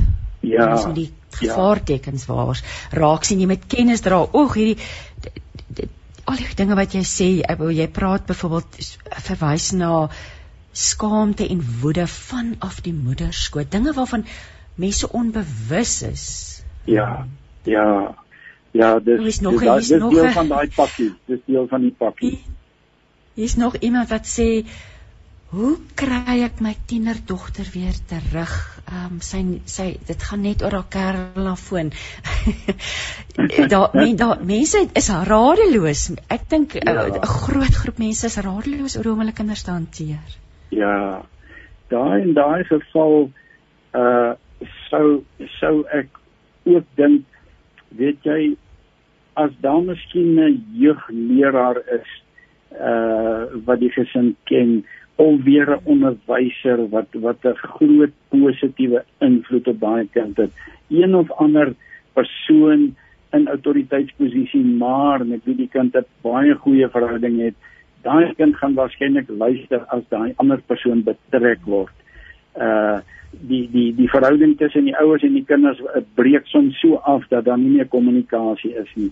Maar as daai persoon van buite betrek word, dan kan mens soms deur die ding breek uh dit dis maar net wat ek so vinnig sou sê vir hierdie hierdie moeder. Kom ons praat oor die probleem Ares want jy identifiseer 'n hele paar van stikkende gesinne tot 'n ontoereikende skoolstelsel. Kan ons dalk 'n bietjie hieroor gesels asseblief Provence? Ja. Uh weet jy as ons dink aan die aan die stikkende gesinne uh een van die ouens wat geskryf het en en wat baie goed skryf byvoorbeeld oor kinders wat hulle self sny. Uh hy wys op die feit dat 'n maas 'n gemiddeld van 8 minute per dag aan gesprekke met hulle tieners en pa gemiddeld van 3 minute. Nou ons weet Is dit per uh, ekskuus jy bietjie opgebreek per dag per week? Per dag. 8 minute per dag. per dag en pa 3 minute. Nou ons weet daar's altyd die groep wat nou wat wat dit anders doen, maar hierdie was nou uit navorsing met 'n baie groot groep ouers en en kinders. 'n verder verdere studie dat ouers deesdae 40% minder tyd met hulle kinders deurbring as 30 jaar gelede. En en dit alles daarby dat daar 'n band is wat wat al losser geraak het. En uh en en jy weet dat dat daai daai vroeëre verhoudings nie altyd meer daar is nie. As mens maar net dink aan tiener selfmoorde die laaste 50 jaar, dan sê die navorsing 300% het dit toegeneem. 300%. Selfdoodpogings by jong meisies deur middel van gif vir 3 dubbel in die FSA die afgelope 10 jaar. Uh dit dit is maar net syfers en dan as ons nou dink aan COVID, COVID het al hierdie bestaande syfers verder die hoogte laat inskiet. COVID het meegebring dat dat hierdie selfmoordsyfers, stres, angs, vrees met 30% plus het hy gestyg en hy was reeds op hierdie geweldige hoë vlakke wat wat net vir ons sê die die uitdaging aan die kerk aan pastorale beraders aan aan Christen onderwysers. Weet jy is is ongelooflik hoog. Ongelooflik. En en en ek ons het nou 'n kursus oor COVID wat ons ook bietjie dieper dieper op al hierdie dinge ingaan. 'n groot uitdaging in die jare wat voor is. Ek het ons het byvoorbeeld 'n uh, uh, uh, jeugwerker. Sy het nou uh, BA die pik gedoen en toe nog van my kursusse sy's by twee skole in die Oosrand en by 'n kerk sy sy het verlede jaar Augustus vir my gesê net in 1 week by een van die hoërskole 30 kinders briewe toestemmingsbriewe kom vra om begrafnisse by te woon. En sommige van daai gesinne 'n pa, ma en 'n oupa byvoorbeeld. Oorweldigend. Hulle moes uiteindelik 'n kamp reël. Sy kon nie meer weekliks al die kinders op individuele basis begelei deur die rouproses nie. Hulle het 'n kamp gereël, die kerk het die kamp geborg einde verlede jaar en 'n klomp kinders gevat en en met wonderlike resultate, hele klomp beraders het saamgegaan het. Maar maar hierdie COVID het die hele tiener dilemma net verder kom kom laat akkumuleer. Verder, as ons dink aan sommer 'n volgende puntjie. Hulle praat van parentification of the parentified child, die kind wat op 'n baie vroeë ouderdom in sy of haar lewe in die rol van 'n volwassene ingedwing word. Die die laerskoolmeisie wie se ma permanent aan depressie ly en as die kind van die skool af kom moet sy die huishouding oorneem, sy moet begin kos maak. Sy begin die rol van 'n vrou vir eintlik vir haar pa vervul. En hierdie hierdie is 'n ding as in berading dit vir mense vra baie baie mense het hierdeur gegaan en die grootste verlies is soos dit gestel word the biggest tragedy of parentification is the sacrificing of young people's childhood. Hulle kinderjare word van hulle beroof want hulle is skielik in 'n volwasse wêreld ingedwing en dit is emosionele skade vir die res van hulle lewe. Dis verlore kinderjare en in berading moet daai pyn alles deurgaan Hierdie een dame sê at age 9 I was a little adult. The problem was being a parentified child is that you don't have time to get your childhood needs met. Jou behoeftes kom tweede. Jou ma en jou pa en ander volwassenes, hulle is in kom eerste. Die die Christelike psigiater Dr. Paul Meyer hulle verwys hierna as emosionele bloedskande. Hulle sê die die skade wat so 'n kind beleef is net so erg verhoudingsgewys asof daar fisiese bloedskande sou plaasgevind het. En en dit daar's baie pyn rondom dit. 'n Volgende puntjie en ag jy moet maar is, is stop as as daar vragies opduik. 'n Volgende puntjie uh, gesins en familie geheime hierdie uh, ou nou weet net nou verwys het wat so baie goed skryf oor die kinders wat hulle self sny. Hy sê hy stel gewoonlik in die heel eerste sessie met die met die jong mens alleen apart probeer hy vasstel watter geheime loop in hierdie familie. Hy sê want hy dikwels agtergekom dit is bydraend tot die pyn van so 'n kind. Sy het so tussen die lyne per toeval gehoor haar ma het nog 'n kind gehad voor sy met haar pa getroud is. Ouer boetie en ouer sussie weet dit, hulle die detail en sy by Tanya se ou Maxim by per toeval gehoor en daai pyn, daai gevoelens van verwerping.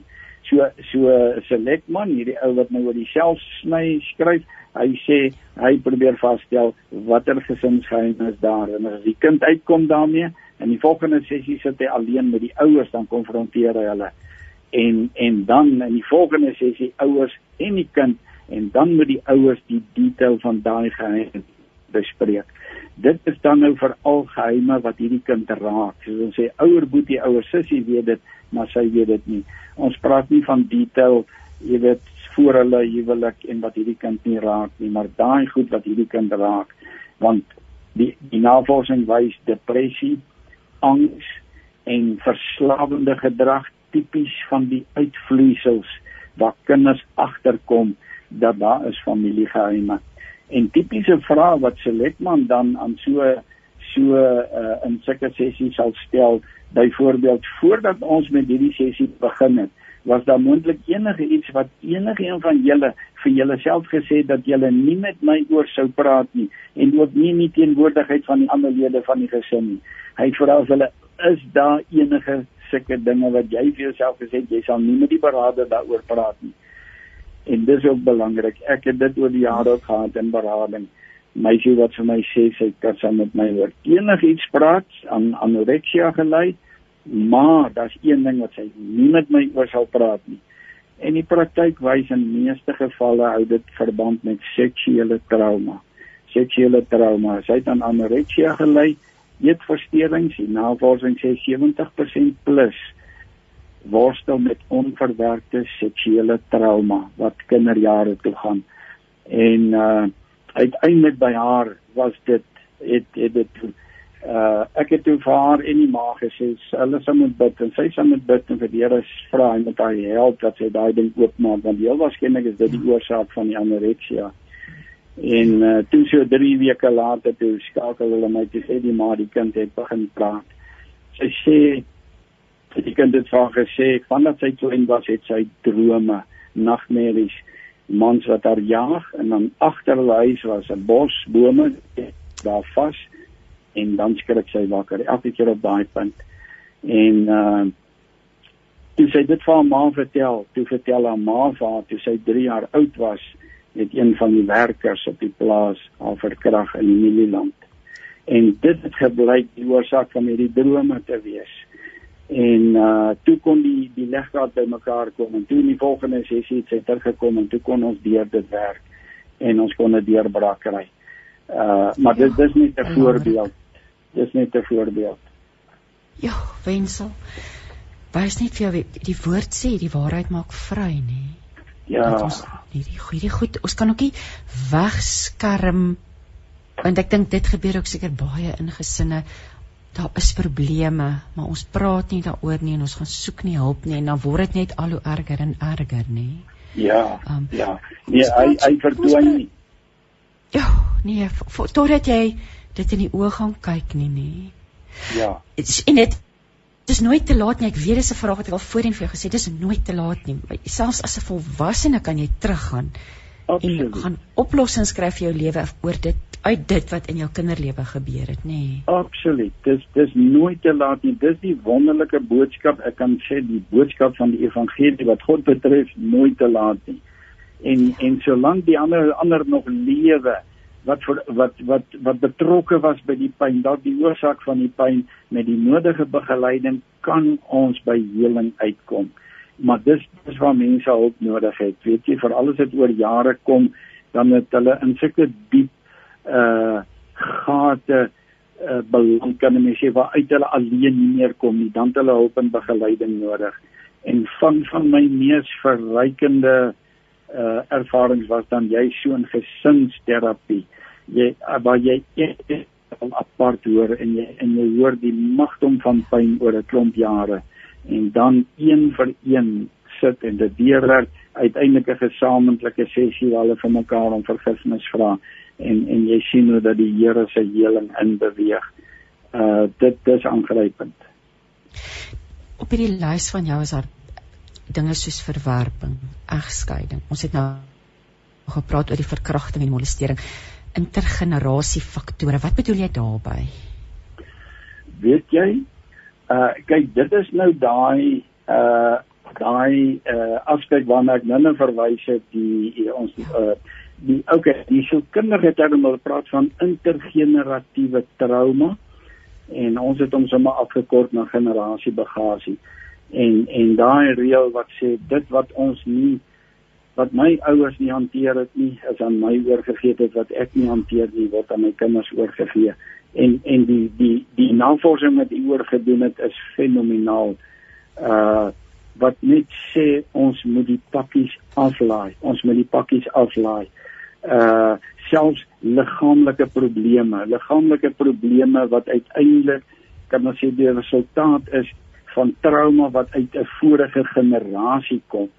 Uh baie dikwels hou dit verband met die milieu, 'n sieklike milieu wat binne iemand groot geword het, 'n milieu van familiegeheime, 'n milieu van verslawing, van trauma, uh uh persone wat in die tronk was, al al die tipe goed en daai milieu het 'n uh, het 'n aftakelende invloed op hierdie persoon gehad. Ons kan amper sê van voorgeboorte af. En daar's baie interessante voorbeelde uh as ek dink maar so vinnig aan 'n artikeltjie wat 'n uh, mediese hy sê dat hy 'n uh, vrou begelei het wat met intense depressie selfmoordneigings geworstel het en toe het hy haar haar haar, haar familie verhaal gevra. En daar het dit toe gebleik dat uh haar ma haar ma het byvoorbeeld dood verbrand. En hierdie vrou as klein dogtertjie saam met haar pa was teenwoordig wat dit gebeur het. En uh uiteindelik het hy 'n klomp van hierdie onverwerkte trauma en dis nooit hanteer nie die trauma is nooit hanteer nie die pa en hierdie dogtertjie het het die het steeds met die trauma gesit en uiteindelik het dit gebleik dit het 'n deurslaggewende invloed op haar depressie gehad. Toe hulle daai trauma vir die eerste keer deurwerk, toe begin hierdie vrou se depressie opklaar. En uh uh uit die uit die Tweede Wêreldoorlog is baie navorsing gedoen. Die ouens wat in die konsentrasiekampe was rondom hierdie generasie, hierdie generasie bagasie, dan was dit jong mense. Die seun en die meisie was in die konsentrasiekampe. Daarna is hulle getroud toe die oorlog verby is en toe is hulle kinders gebore en hulle kinders begin worstel met dieselfde emosionele probleme as wat hulle as ouers in die konsentrasiekamp ervaar het. Baie keer dieselfde liggaamlike probleme, dieselfde nagmerries, alhoewel daai kinders was nooit in die konsentrasiekamp nie. Uh daar was die die die voorbeeld van een seun toe hy 16 word. Toe hy 16 word, hy moet elke dag met die bus skool toe gaan, toe wil hy nie meer in 'n bus klim nie hy weier om in die bus te klim en uiteindelik by 'n berader wat toe nou die die familie se verhaal kry toe blyk dit die ouers was 'n uh, uh, Joodse gesin in die Tweede Wêreldoorlog in die platteland van Nederland en uh, gevlug vir die Duitse soldate. En hulle het in 'n ou skoolbus het hulle van plaas tot plaas gevlug as hulle status op pad. En uh, daai angs en vrees hulle het dit eintlik uiteindelik dit oorleef.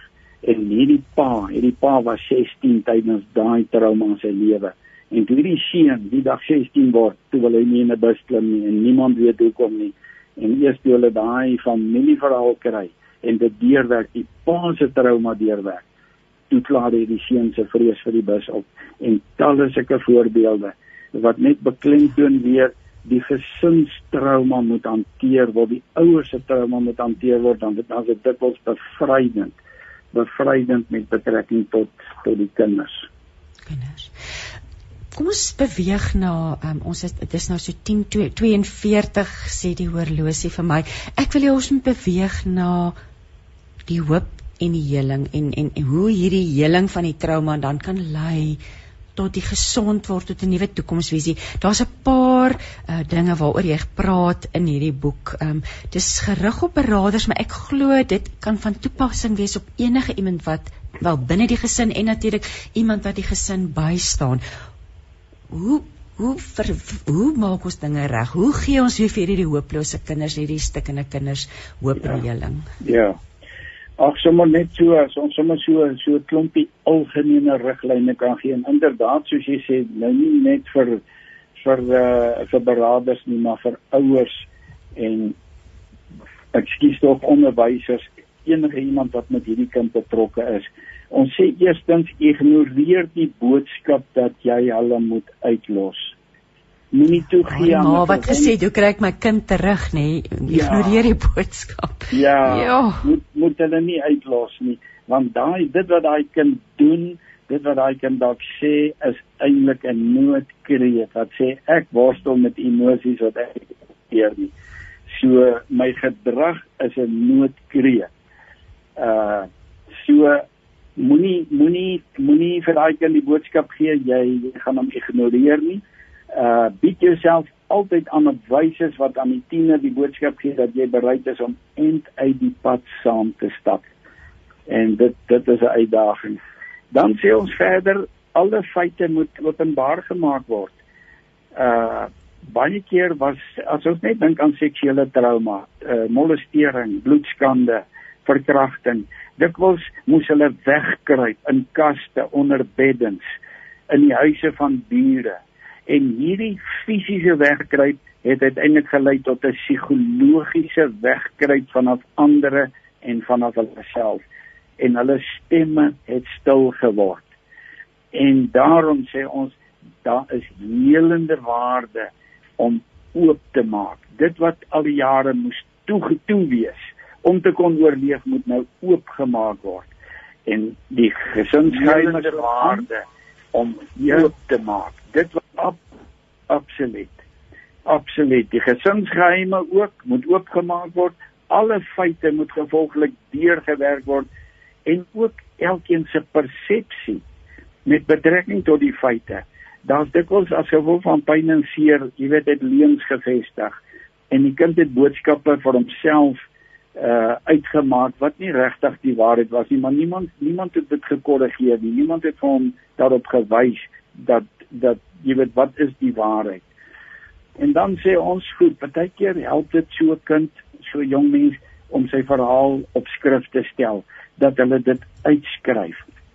Sommige skryf maklik as wat hulle praat en en dalk veral ook seuns omdat ons van van kleins af gesê het man emosies is onaanvaarbaar.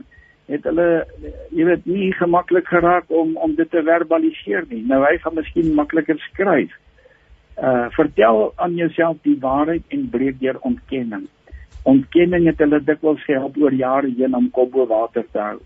Maar nou nou moet ons met die hulp van die Heilige Gees as ons hulle verhaal gekry het hulle help om deur die ontkenning te breek daai leuns uit te kanselleer dan 'n volgende puntjie assesseer die vlak van onmiddellike risiko hierdie hierdie kind is miskien op 'n punt daar daar hulle het al begin praat van self selfdood daar was dalk al 'n poging en en dan dan moet dit geëvalueer word uh al die inligting by mekaar sit om te wys uh, uh, moet dan nie dalk drasties ingegryp word nie. Verder wees waaksaam en let op alle waarskuwingstekens. Evalueer die sinvolheid van jou langtermyn betrokkenheid as jy agterkom jy's nie ten volle ingewerk en en toegerus om hierdie tipe probleem te hanteer nie. Sê maar 'n kind wat homself sny, dan dan moet jy iemand betrek. Dan moet jy die kind so gou moontlik by iemand uitkom wat dit wel dit wel kan doen. En dan weer Seletman wat baie goeie vrae vra. Hy vra byvoorbeeld waar het jy hierdie uitreageer gedrag geleer? Jy jou gedrag skree uit daar's pyn. Wanneer waar het jy dit geleer? Het iemand jou ooit in die verlede leed aangedoen? Wat is die effek en die resultate wanneer jy uitreageer? Selfs my is byvoorbeeld uitreageer gedrag.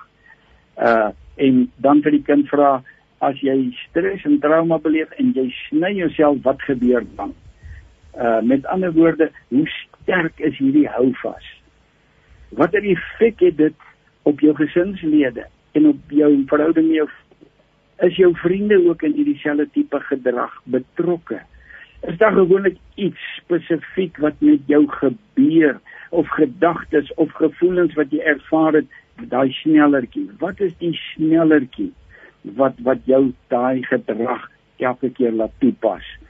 Uh wat is die herhalende patrone? Dit dit gee gewoonlik vir mense 'n goeie idee waar lê die pyn. As jy 'n stem sou kon gee aan jou gedrag, wat sou dit sê van jou situasie? Wat sou daai stem sê? En dan belangrik, wat het jy gewoonlik aan jouself gesê of gedoen wat jou gehelp het die kere wat jy dit kon regkry om nie toe te gee aan die drang om uit te reageer nie om jouself te sny om daai dwelm te gryp uh om om 'n seksuele uh onaanvaarbare gedrag betrokke te raak. Wat het jou gehelp om nie toe te gee nie? Daai vraag gaan gaan baie uh, enige beraader ouer help om om die groter prentjie te kry.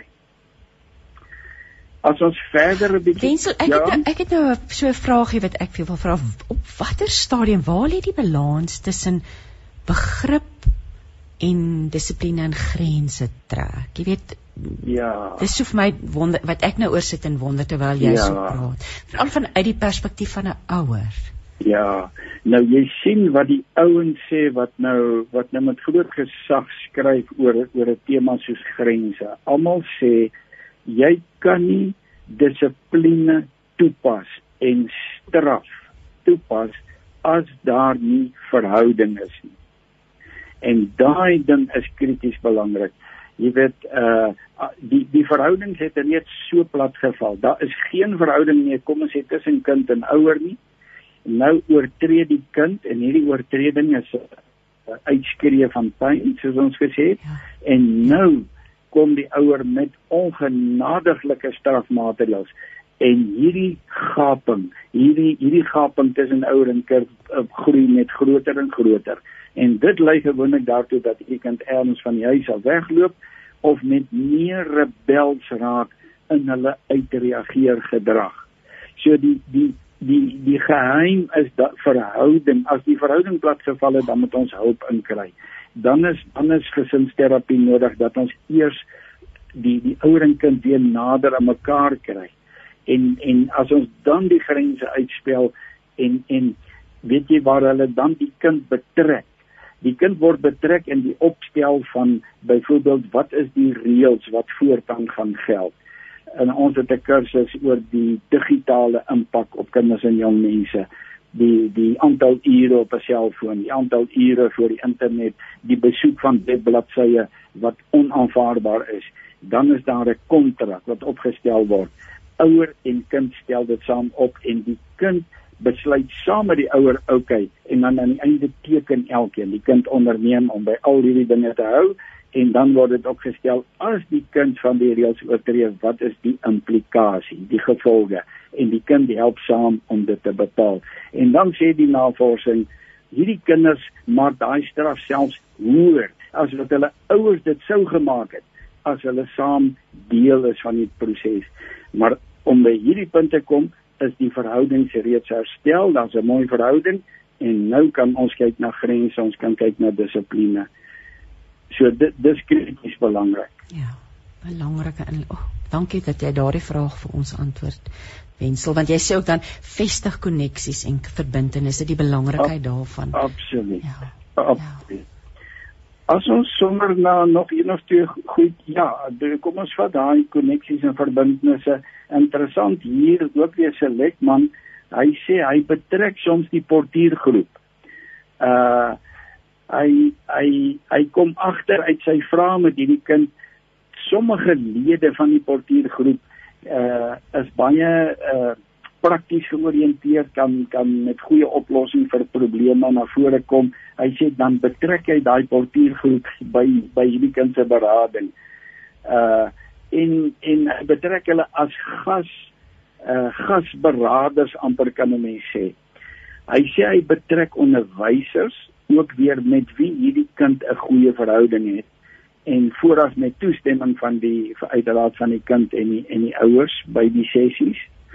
Hy betrek die geestelike leier ook weer met wie die kind 'n goeie verhouding het.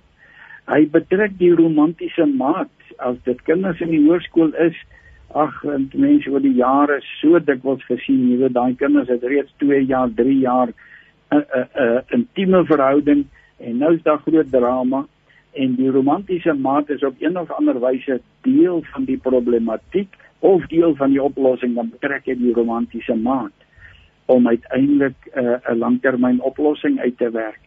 En uh dan sal hy ook enige ander uh persoon betrek in 'n professionele danigheid of wat ook al, maar dit alles deel van die struktuur wat hy om hierdie stukkende kind begin opbou om om om om rigting te gee vir die toekoms. En as ek nou dink hoeveel kinders het al vir my gesê as ek hulle vra uh het jy is daar enige iemand met wie jy kan praat? Is daar enige iemand na wie jy toe kan gaan wanneer dinge vir jou emosioneel te veel word? Dat 'n meisie in uh, graad 11 vir my sê daar's niemand. Daar's niemand by die huis nie, daar's niemand by die skool nie. Dan weet ek hierdie kind is op die rand van die afgrond in terme van 'n ding so self selfdood uh dis tipies die die die ding wat 'n kind daar stap laat neem. En hierdie hierdie benadering van Selectman wonderlik. As ek dink aan so 'n kind, as ons so 'n kind in daai strukture kan intrek, dan weet ek hierdie kind gaan moed skep. Sy gaan moed skep en sy sy gaan weer kans hê van môre en oormôre. Professor, ekskuus, ja. is nou iemand wat wat sê sy soek asseblief jou kontaknommer. Sy kan nie verder luister nie, sy is by die werk, maar sy wil graag jou webwerf. Waar kan mense met jou ja. kontak maak? Ek wil graag vir hierdie luisteraar help. OK, www.wenselkoetser.org org.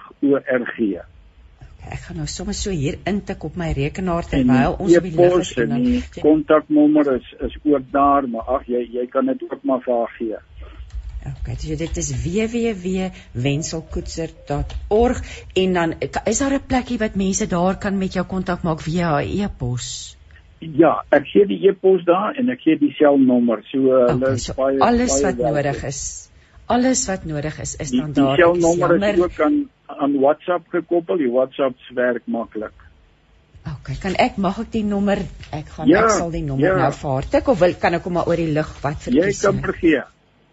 Kom ons uh, prof gee net vir ons die nommer asseblief. 083 66 00 409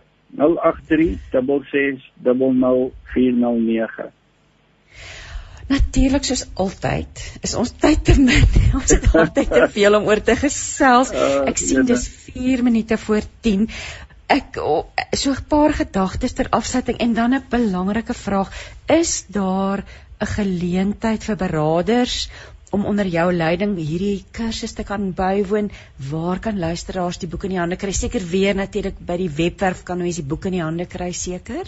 Ja, hulle kan vir my 'n uh, WhatsApp of 'n e-pos stuur en dan stuur ek vir hulle die bankgegewens. Dis R150 vir die boek en gewoonlik so ag so erns tussen 80 en 100 rand vir die koerierkoste en uh, dan moet hulle maar net vir my die fisiese adres stuur uh ja. jy weet vir aflewering wat betref die die kursus ek uh, ek het nou maar sommer vir die interessantheid ek het 2 weke gelede hierdie kursus aangebied in Krugersdorp vir so 'n stuk of 40 uh uh onderwysers en maatskaplike werkers en beraders uh ek het nie nou onmiddellik weer 'n datum spesifiek hiervoor nie uh ag soms kom daar uitnodigings na gemeente of 'n skool dan dan gaan bied mense dit aan maar wat ons wel het ek het 'n stel uh, CD's wat opgeneem is tydens die aanbieding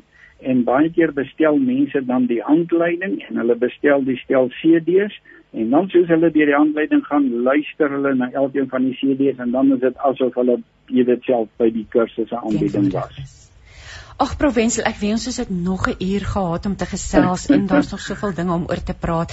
Maar mag ek jou vra, daar's soveel pyn en behoeftes daar buite. Wil jy nie asseblief vir ons afsluit met 'n gebed nie? Ja, met met graagte. Hemelse Vader, ons dankie. Ons dankie dat U geleenthede skep soos hierdie. Dankie dat U toerusting gee.